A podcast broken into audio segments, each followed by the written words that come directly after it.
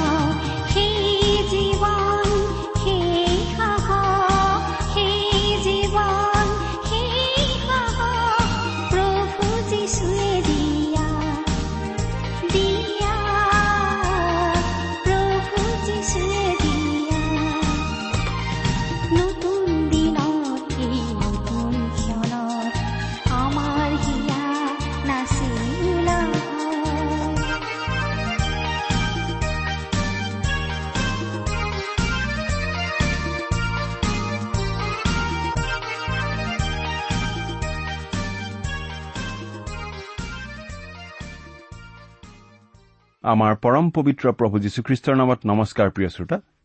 আশা কৰো মহান পিতা পৰমেশ্বৰৰ মহান অনুগ্ৰহত আপুনি ভালে কুশলে আছে। লগতে এই বুলিও আশা কৰিছো যে আপুনি আমাৰ এই ভক্তিবচন অনুষ্ঠানটো নিয়মিতভাৱে শুনি আছে। যদি আজি প্ৰথমবাৰৰ বাবে শুনিছে শুনি কেনে পালে আমালৈ চিঠি লিখি জনাবচোন? যদি আপুনি আমাৰ নিয়মীয়া শ্ৰোতা কিন্তু কেতিয়াও আমালৈ চিঠি পত্ৰ লিখা নাই তেনেহলে আজিয়ে লিখিবচোন। যদি আমালৈ মাজে সময়ে চিঠি পত্ৰ লিখি আছে তেনেহলে আপোনাক ধন্যবাদ জনাইছো। আহকচোন আজিৰ বাইবেল অধ্যয়ন আৰম্ভ কৰাৰ আগতে খন্তেক প্ৰাৰ্থনাত মূৰ দুৱাওঁ হওক। আমি প্ৰাৰ্থনা কৰো হে আমাৰ স্বৰ্গত থকা মহান পিতৃ ঈশ্বৰ প্ৰথমতেই তোমাক ধন্যবাদ দিওঁ কাৰণ তুমি আমাক আকৌ এটা নতুন দিন দেখিবলৈ দিলা আৰু তোমাৰ বাক্য অধ্যয়ন কৰিবলৈ আমাক আকৌ এটা সুযোগ দিলা। প্ৰভু তোমাৰ বাক্যৰ নিগৃঢ় তত্ব বুজাই দিয়াৰ ক্ষমতা আমাৰ নাই সেই সামৰ্থ্যও আমাৰ নাই। তুমিয়েই আমাক বুজাই দিয়া। আমাৰ প্ৰয়োজন অনুসাৰে তুমিয়েই আমাৰ প্ৰত্যেককে বুজাই দিয়া। আমাৰ মৰমৰ শ্ৰোতাসকলক তোমাৰ মাত শুনিবলৈ দিয়া। তেওঁলোকৰ জীৱনত তোমাৰ অনুগ্ৰহৰ আশীৰ্বাদ প্ৰকাশ পাই উঠিবলৈ দিয়া। এই অনুষ্ঠানৰ আৰম্ভণিৰ পৰা শেষলৈকে তুমি আমাক পৰিচালিত কৰা। কিয়নো এই প্ৰাৰ্থনা আমাৰ পাপৰ প্ৰায়চিত্ৰ কৰিবলৈ ক্ৰুচত প্ৰাণ দি তৃতীয় দিনা পুনৰ জি উঠি এতিয়া স্বৰ্গত আমাৰ বাবে নিবেদন কৰি থকা ত্ৰাণকৰ্তা প্ৰভু যীশুখ্ৰীষ্টৰ নামত আগবঢ়াইছো। প্ৰিয় শ্ৰোতা আপুনি আমাৰ আগৰ অনুষ্ঠানটো শুনিছিল নে বাৰু? আমি বাৰু কি অধ্যয়ন কৰিছিলো আপোনাৰ মনত আছেনে? আমি বাইবেলৰ নতুন নিয়ম খণ্ডৰ ইফিচিয়াবিলাকৰ প্ৰতি পত্ৰ নামৰ পুস্তকখনৰ পৰা অধ্যয়ন চলাই আছো আজি কিছুদিনৰ পৰা। যোৱা অনুষ্ঠানত আমি এই ইফিচিয়া পত্ৰৰ দুই নম্বৰ অধ্যায়ৰ চাৰি নম্বৰ পদৰ পৰা সাত নম্বৰ পদলৈকে পঢ়ি আমাৰ আলোচনা আগবঢ়াইছিলো। আজিৰ অনুষ্ঠানত আমি আঠ নম্বৰ পদৰ পৰা চাই যাম। আপোনাৰ বাইবেলখন মেলি লৈছেনে বাৰু? পাঠ কৰি দিছো ইফিচিয়া দুই নম্বৰ অধ্যায়ৰ আঠ আৰু ন নম্বৰ পদ। কিয়নো অনুগ্ৰহেৰেহে বিশ্বাসৰ দ্বাৰাই তোমালোকে পৰিত্ৰাণ পালা আৰু সেয়ে তোমালোকৰ পৰা নহয় ঈশ্বৰৰহে দান। কোনেও যেন শ্লাঘা কৰিব নোৱাৰে এই নিমিত্তে সেয়ে কৰ্মৰ পৰাও নহয়। খ্ৰীষ্টীয় বিশ্বাসীসকলৰ অতীত বৰ্তমান আৰু ভৱিষ্যতৰ বিষয়ে উল্লেখ থকা বাইবেলৰ এই বিশেষ অংশটোৰ অতি গুৰুত্বপূৰ্ণ পদ এই পদ দুটা। আমি আমাৰ পাপ অপৰাধত মৰি আছিলো। ঈশ্বৰে আমাক তেওঁৰ অনুগ্ৰহেৰে উদ্ধাৰ কৰিলে আমাক খ্ৰীষ্টত জীয়ালে আৰু খ্ৰীষ্টত আমাক স্বৰ্গীয় ঠাইবোৰত বহুৱালে। আৰু এদিনাখন আমি স্বৰ্গত ঠাই পাম আৰু আমাৰ যোগেদি ঈশ্বৰৰ অনুগ্ৰহ প্ৰকাশিত হৈ থাকিব। স্বৰ্গত ঈশ্বৰৰ অনুগ্ৰহ প্ৰকাশ কৰি আমি বহি থাকিম। কিন্তু এই সকলোখিনি কথাৰ এটাও আমাৰ নিজৰ গুণৰ ওপৰত নিৰ্ভৰ নকৰে। আমাৰ নিজৰ প্ৰচেষ্টাৰ ওপৰত নিৰ্ভৰ নকৰে কাৰণ আমি অনুগ্ৰহেৰেহে পৰিত্ৰাণ পাওঁ। অনুগ্ৰহ শব্দটো ইয়াত অতি মূল্যৱান। ঈশ্বৰৰ অনুগ্ৰহৰ ওপৰতেই ইয়াত জোৰ দিয়া হৈছে। অযোগ্য আৰু পোৱাৰ অনুপযুক্ত লোকসকলৰ প্ৰতিয়েই এই অনুগ্ৰহ দেখুওৱা হৈছে। আমি আচলতে ক'ব নালাগে মই পৰিত্ৰাণ পাম বুলি আশা কৰিছো। আচলতে আমি যদি প্ৰভু যীশুত বিশ্বাস স্থাপন কৰিছো তেনেহলে আমি ক'ব লাগে মই পৰিত্ৰাণ পালো এই বুলি। কোনোবাই হয়তো ক'ব পাৰে মই এনেদৰে ক'বলৈ অলপ সংকোচ কৰো কাৰণ ভৱিষ্যতে কি ঘটিব আমি নাজানো। প্ৰিয় শ্ৰোতা আমাৰ পৰিত্ৰাণ নিৰ্ভৰ কৰে ঈশ্বৰৰ অনুগ্ৰহৰ ওপৰতহে। আমাৰ বিশ্বস্ততাৰ ওপৰত নহয় এই বিষয়ে আমি নিশ্চিত হৈ থাকিব পাৰো।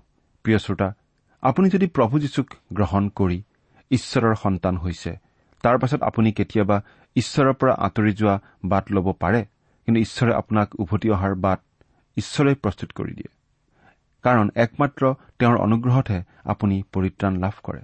আমি যি পৰিত্ৰাণ লাভ কৰো সেই পৰিত্ৰাণ সম্পূৰ্ণ কৰি থোৱা পৰিত্ৰাণ অৰ্থাৎ আমাৰ পৰিত্ৰাণৰ বাবে কৰিবলগীয়া আৰু একো নাই। খ্ৰীষ্টই আপোনাৰ বাবে মোৰ বাবে ক্ৰুচত যিখিনি কৰি থৈ গ'ল পৰিত্ৰাণৰ বাবে সেইখিনিয়েই যথেষ্ট। পবিত্ৰ আত্মাই খ্ৰীষ্টৰ প্ৰতি আগ্ৰহী কৰি তোলে আৰু আমি যেতিয়া সঁহাৰি দি ঈশ্বৰৰ বাক্য বিশ্বাস কৰি খ্ৰীষ্টকেই ত্ৰাণকৰ্তা বুলি গ্ৰহণ কৰি তেওঁতেই সম্পূৰ্ণ ভৰসা কৰো তেতিয়া আমি ক'ব পাৰো মই পৰিত্ৰাণ পালো। মই পৰিত্ৰাণ পাম বুলি আশা ৰাখিছো বুলি নহয়। প্ৰভু যীশুৱে আমাক পৰিত্ৰাণ দিয়ে। এই পৰিত্ৰাণ আমি অৰ্জন কৰিব নোৱাৰো। প্ৰভু যীশুৰ যোগেদি আমালৈ যি পৰিত্ৰাণ আগবঢ়োৱা হৈছে সেয়া একমাত্ৰ ঈশ্বৰৰ অনুগ্ৰহতহে আমি পাইছো। আৰু আমি সেই পৰিত্ৰাণ গ্ৰহণ কৰো বিশ্বাসেৰে। এই পৰিত্ৰাণ আমাৰ নিজৰ কৃতিত্ব নহয় ই ঈশ্বৰৰহে এটা দান। ঈশ্বৰৰ অনুগ্ৰহ মানেনো কি? তাকে বুজাবলৈ বহুতে বহু ধৰণৰ সংজ্ঞা দাঙি ধৰে। তাত্বিক পণ্ডিতসকলে ইয়াক আনমেৰিটেড ফেভাৰ অৰ্থাৎ আমি পোৱাৰ অনুপযুক্ত হোৱা সত্বেও কোনো ভাল বস্তু লাভ কৰাই অনুগ্ৰহ বুলি কৈছে। কোনো কোনো লোকে আকৌ ঈশ্বৰৰ অনুগ্ৰহক লাভ ইন একশ্যন অৰ্থাৎ কাৰ্যকৰী প্ৰেম বুলি কয়। এগৰাকী তাত্বিক পণ্ডিতে দি এফিচিয়ান লেটাৰ ডক্ট্ৰিনেলি কনচিডাৰ্ড নামৰ তেওঁৰ কিতাপখনত ঈশ্বৰৰ অনুগ্ৰহ আৰু প্ৰেমৰ বিষয়ে এনেদৰে লিখিছিল। পাপী লোকৰ প্ৰতি ঈশ্বৰৰ কৰুণা ভৰা প্ৰেম আৰু যীশুখ্ৰীষ্টৰ যোগেদি আগবঢ়োৱা তেওঁৰ অনুগ্ৰহৰ মাজত বিশেষ পাৰ্থক্য আছে। ঈশ্বৰৰ প্ৰেম আৰু ঈশ্বৰৰ অনুগ্ৰহ একে নহয়। ঈশ্বৰে পাপী লোকক অসীম প্ৰেম কৰিব পাৰে কিন্তু ঐশ্বৰিক ন্যায়ৰ যি দাবী সেই দাবীৰ সন্মুখত তেওঁ পাপী লোকক ন্যায় বিচাৰৰ শাস্তিৰ পৰা ৰেহাই দিব নোৱাৰে। কিন্তু যদিহে সেই প্ৰেমে ন্যায় বিচাৰৰ দাবী অনুসাৰে অনুগ্ৰহ দেখুৱাই পাপীলোকৰ হকে কৰিবলগীয়া সকলোখিনি কৰে তেতিয়া সেই প্ৰেমে যিসকলৰ হকে খ্ৰীষ্টই মৃত্যুবৰণ কৰিছিল সেই সকলোৰ প্ৰতি যিকোনো কাম কৰিব পৰা হয়। এয়েই হৈছে খ্ৰীষ্টই ক্ৰুচত অৰ্জন কৰা সাফল্য। আনহাতে পৰিত্ৰাণৰ যোগেদি প্ৰকাশ পোৱা ঈশ্বৰৰ অনুগ্ৰহ হৈছে খ্ৰীষ্টই মানৱৰ হকে মৃত্যুবৰণ কৰি মানৱৰ পাপৰ ন্যায়সংগত শাস্তি গ্ৰহণ কৰাৰ যোগেদি আগবঢ়োৱা স্বাধীনতাৰ ভিত্তিত ঈশ্বৰে আগবঢ়োৱা সীমাহীন বাধাহীন প্ৰেম। ঈশ্বৰৰ প্ৰেমে আমাক উদ্ধাৰ কৰিব বিচাৰিব পাৰে কিন্তু ধাৰ্মিকতাৰ বাধ্যবাধকতাই বাধা দিব পাৰে। কিন্তু ঈশ্বৰৰ অনুগ্ৰহই মুকলিভাৱে কাম কৰিব পাৰে কাৰণ খ্ৰীষ্টই ক্ৰুচত মৃত্যুবৰণ কৰিলে। গতিকে আমি এই কথা লক্ষ্য কৰো যে ঈশ্বৰৰ অনন্ত পৰিকল্পনা তেওঁৰ কেৱল প্ৰেম প্ৰকাশ কৰা নহয়। যদিও তেওঁৰ অনুগ্ৰহৰ নিচিনাকৈ প্ৰেম আৰু কৰুণাৰ কথাও এই প্ৰসংগতেই উল্লেখ কৰা হৈছে আৰু খ্ৰীষ্টৰ মৃত্যুৰ জৰিয়তে প্ৰকাশ পাইছে। কিন্তু আচলতে তেওঁৰ অনুগ্ৰহ প্ৰকাশ কৰাহে মুখ্য উদ্দেশ্য। ঈশ্বৰৰ অন্তহীন ঐশ্বৰ্যৰ ভঁৰালৰ পৰা তেওঁ পাপীসকলৰ ওপৰত অকাতৰে বাহুল্যৰূপে ঢালি বাকি দিয়ে তেওঁৰ অনুগ্ৰহ। এতিয়া আমি বিশ্বাসৰ কথাটো চাব খুজিছো। বিশ্বাস হৈছে পৰিত্ৰাণৰ সক্ৰিয় কাৰক। পৰিত্ৰাণ গ্ৰহণ কৰাৰ গোটেই বিষয়টোত এইটোৱেই একমাত্ৰ বিষয় যিটো পাপীজনে আনিব লগা হয়। অৰ্থাৎ বিশ্বাসেৰে পৰিত্ৰাণ গ্ৰহণ কৰা হয়। ঈশ্বৰৰ অনুগ্ৰহত আমি পৰিত্ৰাণ পাওঁ কিন্তু আমি গ্ৰহণ কৰিব লাগে বিশ্বাসেৰে। অথচ এই বিশ্বাসো ঈশ্বৰেই দিয়া এটা দান। এই বিশ্বাস আমাৰ অন্তৰত জগাই দিয়ে পবিত্ৰ আত্মা ঈশ্বৰে।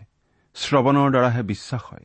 আৰু সেই শ্ৰৱণ হৈছে ঈশ্বৰৰ বাক্যৰ শ্ৰৱণ। অৰ্থাৎ ঈশ্বৰৰ বাক্য শুনাৰ দ্বাৰাহে আমাৰ হৃদয়ত বিশ্বাস উৎপন্ন হ'ব পাৰে। খ্ৰীষ্টৰ শুভবাৰ্তালৈ মনোযোগ দিয়া লোকৰ হৃদয়তহে ঈশ্বৰে বিশ্বাস জগাই দিব পাৰে। দ্বিতীয় কৰিন্ঠিয়া পুস্তকত আমি এটা বিশেষ কথা পঢ়িবলৈ পাইছিলো।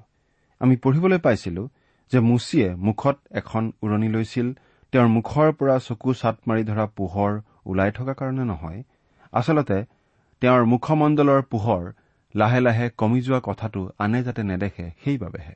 এই পোহৰ আছিল মুচিৰ ব্যৱস্থাধীন বিধানৰ দিনৰ। আজি কিন্তু কোনো উৰণিৰ প্ৰয়োজন নাই কাৰণ তেওঁ হৈছে উৰণি নোহোৱা খ্ৰীষ্ট। খ্ৰীষ্টৰ শুভবাৰ্তা আজি মুকলিভাৱে ঘোষণা কৰা হৈছে।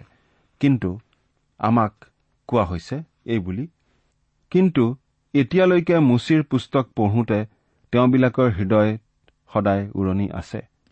কিন্তু যেতিয়া প্ৰভুলৈ মন পালতে তেতিয়া সেই উৰণি গুচোৱা হয়। দ্বিতীয় কৰিন্ঠিয়া তিনি নম্বৰ অধ্যায়ৰ পোন্ধৰ আৰু ষোল্ল নম্বৰ পদ। অৰ্থাৎ যেতিয়াই মানুহৰ হৃদয় প্ৰভুলৈ ঘূৰে তেতিয়াই সেই উৰণি আঁতৰি যায়।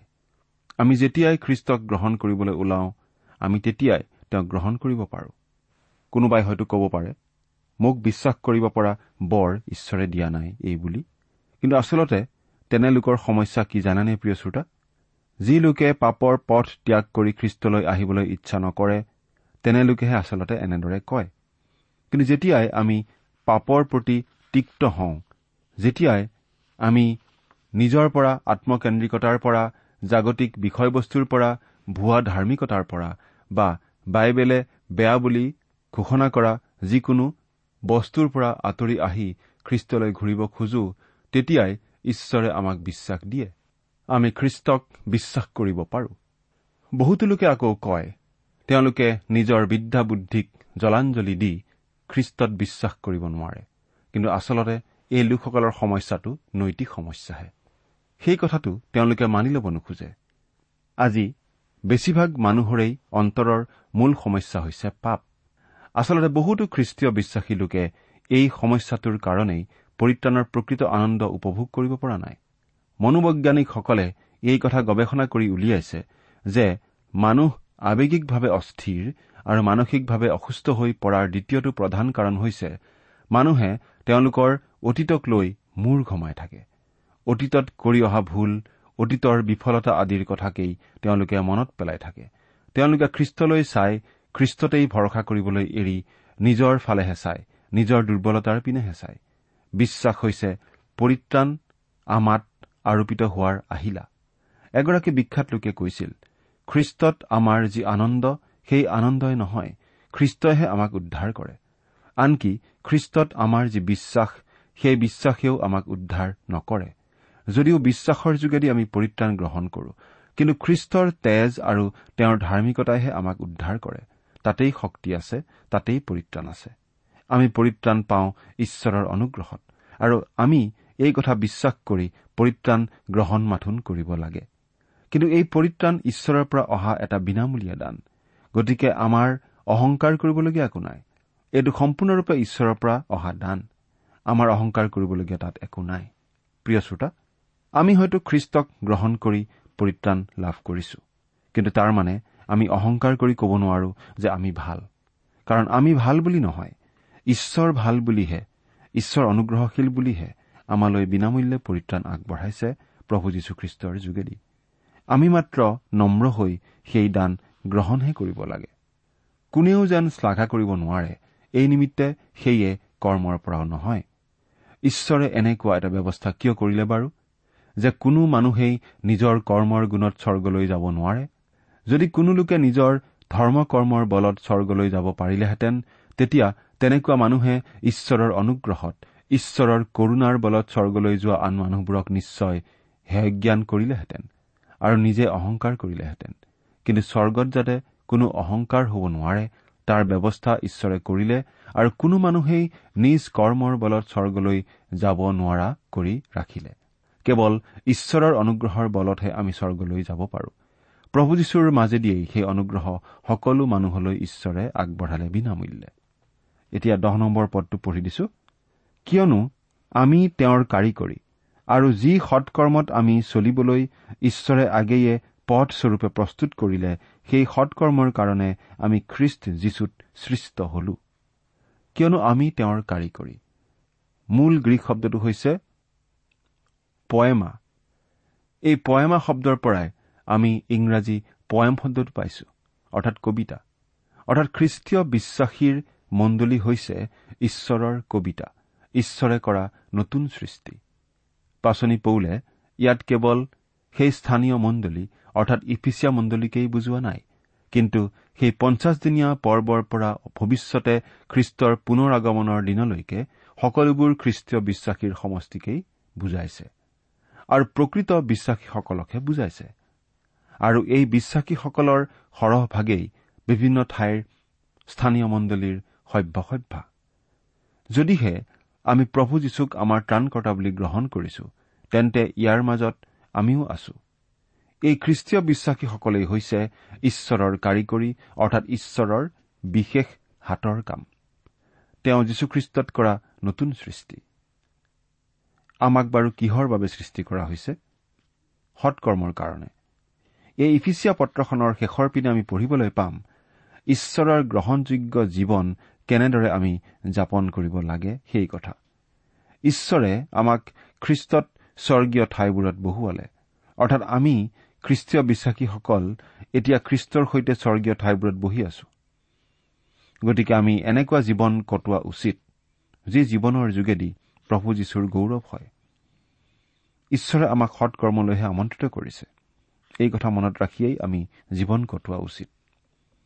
খ্ৰীষ্টীয় মণ্ডলী হৈছে ঈশ্বৰৰ জীৱন্ত মন্দিৰ। এই মন্দিৰনো ঈশ্বৰে কেনেদৰে গঠন কৰে এতিয়া আমি সেই বিষয়ে অলপ আলোচনা কৰিম। এঘাৰ আৰু বাৰ নম্বৰ পদ দুটা পঢ়ি দিছো। এতেকে মাংসৰ সম্বন্ধে পৰজাতি লোক অৰ্থাৎ মাংসত হাতে কৰা চুন্নতৰ পৰাই চুন্নত নাম পোৱাবিলাকৰ মাজত অচুন্নত বুলি প্ৰখ্যাত হোৱা যি তোমালোক তোমালোকে যে সেই আগৰ কালত খ্ৰীষ্টৰ পৰা পৃথক ইছৰাইল ৰাজ্যৰ বাহিৰ অংগীকাৰযুক্ত নিয়মবোৰৰ অসম্পৰ্কীয় আশাহীন আৰু ঈশ্বৰহীন হৈ এই জগতত আছিলা ইয়াক সোঁৱৰা। ইফিছৰ খ্ৰীষ্টীয় মণ্ডলীৰ বেছিভাগ লোকেই আছিল পৰজাতীয় অৰ্থাৎ অনাজিহুদী লোক। সেই ঠাইত মাত্ৰ কেইঘৰমানহে যিহুদী আছিল। অনাজিহুদী লোকসকলক অচুন্নত লোক বুলিও কোৱা হৈছিল। অচুন্নত হোৱা লোক অৰ্থাৎ যিহুদী লোকসকলে তেওঁলোকক এই নাম দিছিল। যিহুদী আৰু অনাজিহুদী লোকসকলৰ মাজত এটা বিশেষ পাৰ্থক্য বজাই ৰাখিছিল ঈশ্বৰে। পঞ্চাছদিনীয়া পৰ্বৰ দিনলৈকে একেবাৰে অব্ৰাহামৰ দিনৰ পৰা। সকলো জাতিৰ ভিতৰত ইছৰাইল জাতিৰ এটা সুকীয়া স্থান আছিল। যিহুদীসকলৰ মাজলৈ আহিবলৈ হলে পৰজাতীয় লোকসকলে এজন ধৰ্মান্তৰিত লোক হিচাপেহে আহিব লাগিছিল। কালক্ৰমত এই বিভেদটো সংঘৰ্ষৰ কাৰণ হৈ পৰিছিল কাৰণ ইছৰাইলৰ লোকসকলে নিজৰ স্থানক লৈ গৌৰৱ কৰিছিল। ইছৰাইলৰ লোকে আন জাতিৰ লোকসকলক হেয় জ্ঞান কৰিবলৈ ধৰিছিল আৰু দুয়ো জাতিৰ মাজত ঘৃণাৰ উদ্ৰেক হৈছিল। এই পদ দুটাত পৰজাতীয় অৰ্থাৎ অনাজিহুদী লোকসকলৰ দুখ লগা আৰু নিৰাশাজনক অৱস্থাৰ এটা আভাস আমাক দিয়া হৈছে। আচলতে খ্ৰীষ্টক নোপোৱাকৈ পাপত হেৰাই থকা মানুহৰ ছবিখনো ঠিক এনেকুৱাই। হেৰাই থকা মানেনো কি বাৰু? প্ৰথমতে হেৰাই থকা লোক মানে খ্ৰীষ্টৰ পৰা পৃথক লোক। খ্ৰীষ্টৰ পৰা বিচ্ছিন্ন হৈ থকা লোক। এইটো হৈছে খ্ৰীষ্টত থকাৰ ঠিক বিপৰীত অৱস্থা। প্ৰতিজন হেৰাই থকা লোক খ্ৰীষ্টৰ পৰা বিচ্ছিন্ন। দ্বিতীয়তে ইছৰাইল ৰাজ্যৰ বাহিৰ। অৰ্থাৎ ইছৰাইলৰ নাগৰিকত্ব নোপোৱা অৱস্থা। পৰজাতীয় লোকবিলাকৰ অৱস্থাটোৰ এইটো অতি সুন্দৰ ছবি। পৰজাতীয় লোকবিলাকৰ কোনো ঈশ্বৰ প্ৰদত্ত ধৰ্ম ব্যৱস্থা নাছিল কিন্তু ইছৰাইল জাতিৰ হলে আছিল। ইছৰাইলৰ লোকবিলাকৰ প্ৰতি ঈশ্বৰে কিছুমান প্ৰতিজ্ঞা কৰিছিল। সেই প্ৰতিজ্ঞা পালন কৰিবলৈ ঈশ্বৰ দায়বদ্ধ আছিল। কিন্তু পৰজাতীয় লোকবিলাকে তেনেকুৱা কোনো প্ৰতিজ্ঞাৰ উত্তৰাধিকাৰ পোৱা নাছিল। ঈশ্বৰৰ পৰা দাবী কৰিবলৈ তেওঁলোকৰ একো নাছিল। হেৰাই থকা মানৱৰো সেই একেই অৱস্থা। আমাৰো একো অধিকাৰ নাই। সেই প্ৰতিজ্ঞাবোৰ ঈশ্বৰে আমালৈ কৰা নাই। তৃতীয়তে পৰজাতীয় লোকবিলাক আছিল অংগীকাৰযুক্ত নিয়মবোৰৰ অসম্পৰ্কীয়। ঈশ্বৰে ইছৰাইল জাতিৰ সৈতে কিছুমান চুক্তি কৰিছিল। সেই চুক্তি বা অংগীকাৰবোৰ আজিও বাহাল আছে। কিন্তু কোনো পৰজাতীয় লোকেই সেই চুক্তিৰ পৰা একো দাবী কৰিব নোৱাৰে। ঈশ্বৰে গোটেই ইছৰাইল দেশখন ইছৰাইল জাতিৰ লোকসকলক দিবলৈ প্ৰতিজ্ঞা কৰিছিল। সেই প্ৰতিজ্ঞা সেই চুক্তি ঈশ্বৰে মানিবই। এদিন ইছৰাইল জাতিয়ে সেই গোটেই প্ৰতিজ্ঞাৰ দেশ অধিকাৰ কৰিবই। অৱশ্যে ঈশ্বৰৰ চৰ্তমতেহে। আমি কিন্তু ইছৰাইলৰ মাটিৰ ওপৰত কোনো অধিকাৰ খটুৱাব নোৱাৰো। ইছৰাইলৰ কোনো অঞ্চল আমি দাবী কৰি ল'ব নোৱাৰো। কিন্তু আমালৈ প্ৰতিজন খ্ৰীষ্টীয় বিশ্বাসীলৈ প্ৰভু যীশুৱে এটা প্ৰতিজ্ঞা কৰি থৈছে। জোহনে লিখা শুভবাৰ্তা চৈধ্য নম্বৰ অধ্যায়ৰ দুই আৰু তিনি নম্বৰ পদত আমি এনেদৰে পাওঁ মোৰ পিতৃৰ ঘৰত অনেক থকা ঠাই আছে নোহোৱা হলে তোমালোকক কলোহেঁতেন। কিয়নো মই তোমালোকলৈ ঠাই যুগুত কৰিবলৈ যাওঁ আৰু মই তোমালোকলৈ যদি ঠাই যুগুত কৰোগৈ তেন্তে মই যি ঠাইত থাকো তোমালোকো সেই ঠাইতে যেন থাকিবলৈ পাবা। এই নিমিত্তে মই আকৌ আহি তোমালোকক মোৰ ওচৰলৈ লৈ যাম। চতুৰ্থতে হেৰাই থকা অৱস্থাত থকা লোক হৈছে আশাহীন। আজি মানুহকনো আশা কোনে দিব পাৰে? পৃথিৱীৰ বেছিভাগ লোকেই ভৱিষ্যতৰ বিষয়ে একো আশাজনক কথা বিশ্বাস নকৰে। মৃত্যুৰ পাছতনো কি হ'ব? সেই কথা পৰিষ্কাৰভাৱে বেছিভাগ লোকেই ক'ব নোৱাৰে। মৃতকৰ পুনৰুত্থান আৰু স্বৰ্গৰ দৃঢ় আশা দিব পাৰে প্ৰভু যীশুখ্ৰীষ্টইহে। আজি খ্ৰীষ্টীয় বিশ্বাসৰ নামতো বহুতো ভুৱা বিশ্বাসীৰ দল ওলাব ধৰিছে। এইবোৰে কিন্তু কোনো আশা দিব নোৱাৰে। তেওঁলোকে মাত্ৰ কিছুমান নীতি নিয়ম বান্ধি দিয়ে যিবোৰ আচলতে কোনো মতেই সম্পূৰ্ণৰূপে পালন কৰিব পৰা বিধান বা নীতি নিয়ম নহয়। কোনো মানুহেই আজিলৈকে তেনেদৰে সম্পূৰ্ণৰূপে পালন কৰিব পৰা নাই। আচলতে তেওঁলোকে মানুহক হতাশহে কৰে। পৰজাতীয় লোকবিলাকৰো অৱস্থা একেই আছিল। খ্ৰীষ্টক বিশ্বাস নকৰি হেৰাই থকা লোকসকলৰ কাৰণে এই বৰ্তমান জীৱনটোৱেই যথাসৰ্বস্ব। ভৱিষ্যতৰ বিষয়ে তেওঁলোক নিশ্চিত নহয় আৰু এই বৰ্তমান জীৱনতো যদি তেওঁলোকে সুখ শান্তি নাপায় তেনেহলে তেওঁলোকৰ দুগুণ লোকচান। কিন্তু যেতিয়া আমি প্ৰভু যীশুখ্ৰীষ্টক আমাৰ ত্ৰাণকৰ্তা বুলি গ্ৰহণ কৰো তেতিয়া আমি লাভ কৰো পৰিত্ৰাণৰ নিশ্চয়তা। আমি হৈ পৰো ঈশ্বৰৰ সন্তান স্বৰ্গৰ নাগৰিক। গতিকে মৃত্যুৰ পাছত স্বৰ্গত বাস কৰাৰ নিশ্চিত আশাৰে আমি জীয়াই থাকিব পৰা হওঁ। আমি আৰু আশাহীন হৈ থাকিব নালাগে।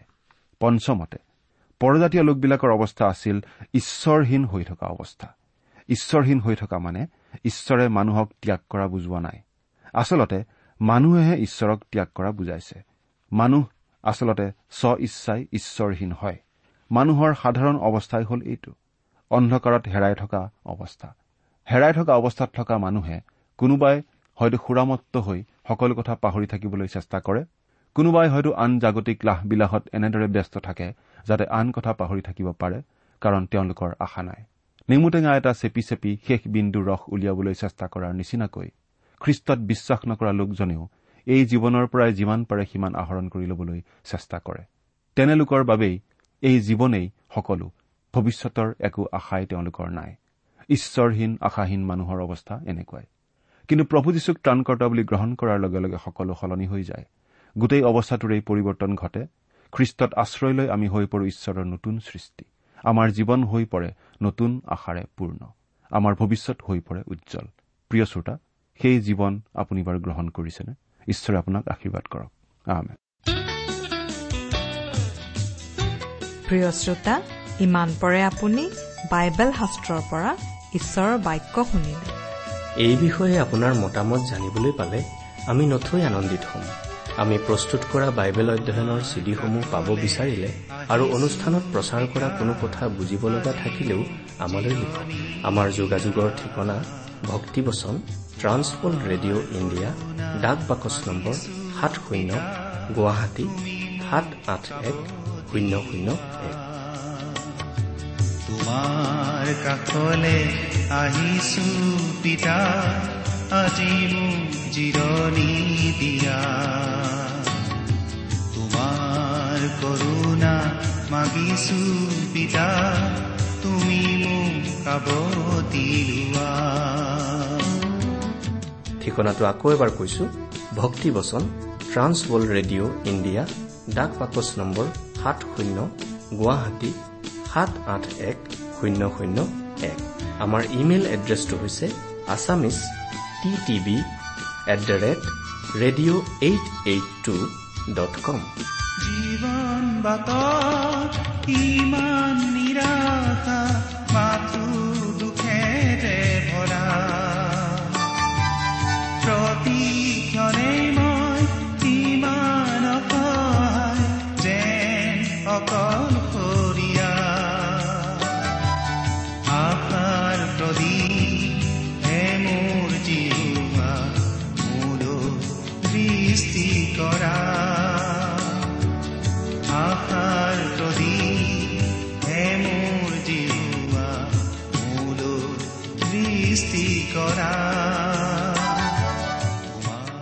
আমাৰ website W W W dot T W R dot in আপুনি টেলিফোনৰ মাধ্যমেৰেও আমাক যোগাযোগ কৰিব পাৰে। আমাৰ টেলিফোন নম্বৰটো হৈছে nine eight five four zero' four zero' eight eight nine. Phone নম্বৰটো আকৌ এবাৰ কৈছো ন আঠ পাঁচ চাৰি শূন্য চাৰি শূন্য আঠ আঠ ন। আপুনি এই ভক্তিবচন অনুষ্ঠানটি আমাৰ website radio' eight eight two dot কমতো শুনিব পাৰিব। আজিৰ অনুষ্ঠানটি ইমানতেই সামৰিছো। ঈশ্বৰৰ শান্তি আৰু অনুগ্ৰহ আপোনাৰ লগত থাকক। ধন্যবাদ। মোৰে জীৱন আজি সপিলো যিছু তোমাৰে কাষ প্ৰতিশ্ৰুতি মোৰ তোমাৰ চৰণ চলিম তোমাৰে পথ আজি তোমাৰ প্ৰেমেৰে জীৱন পূৰ্ণ কৰা মাথো আজি তোমাৰ প্ৰেমেৰে জীৱন পূৰ্ণ কৰা তোমাৰ কাষলে আহিছো পিতা আজি মোক জিৰণি দিয়া। তোমাৰ কৰোণা মাগিছো পিতা তুমি মোক কাবতি লোৱা। তোমাৰ কাষলে আহিছো পিতা আজি মোক জিৰণি দিয়া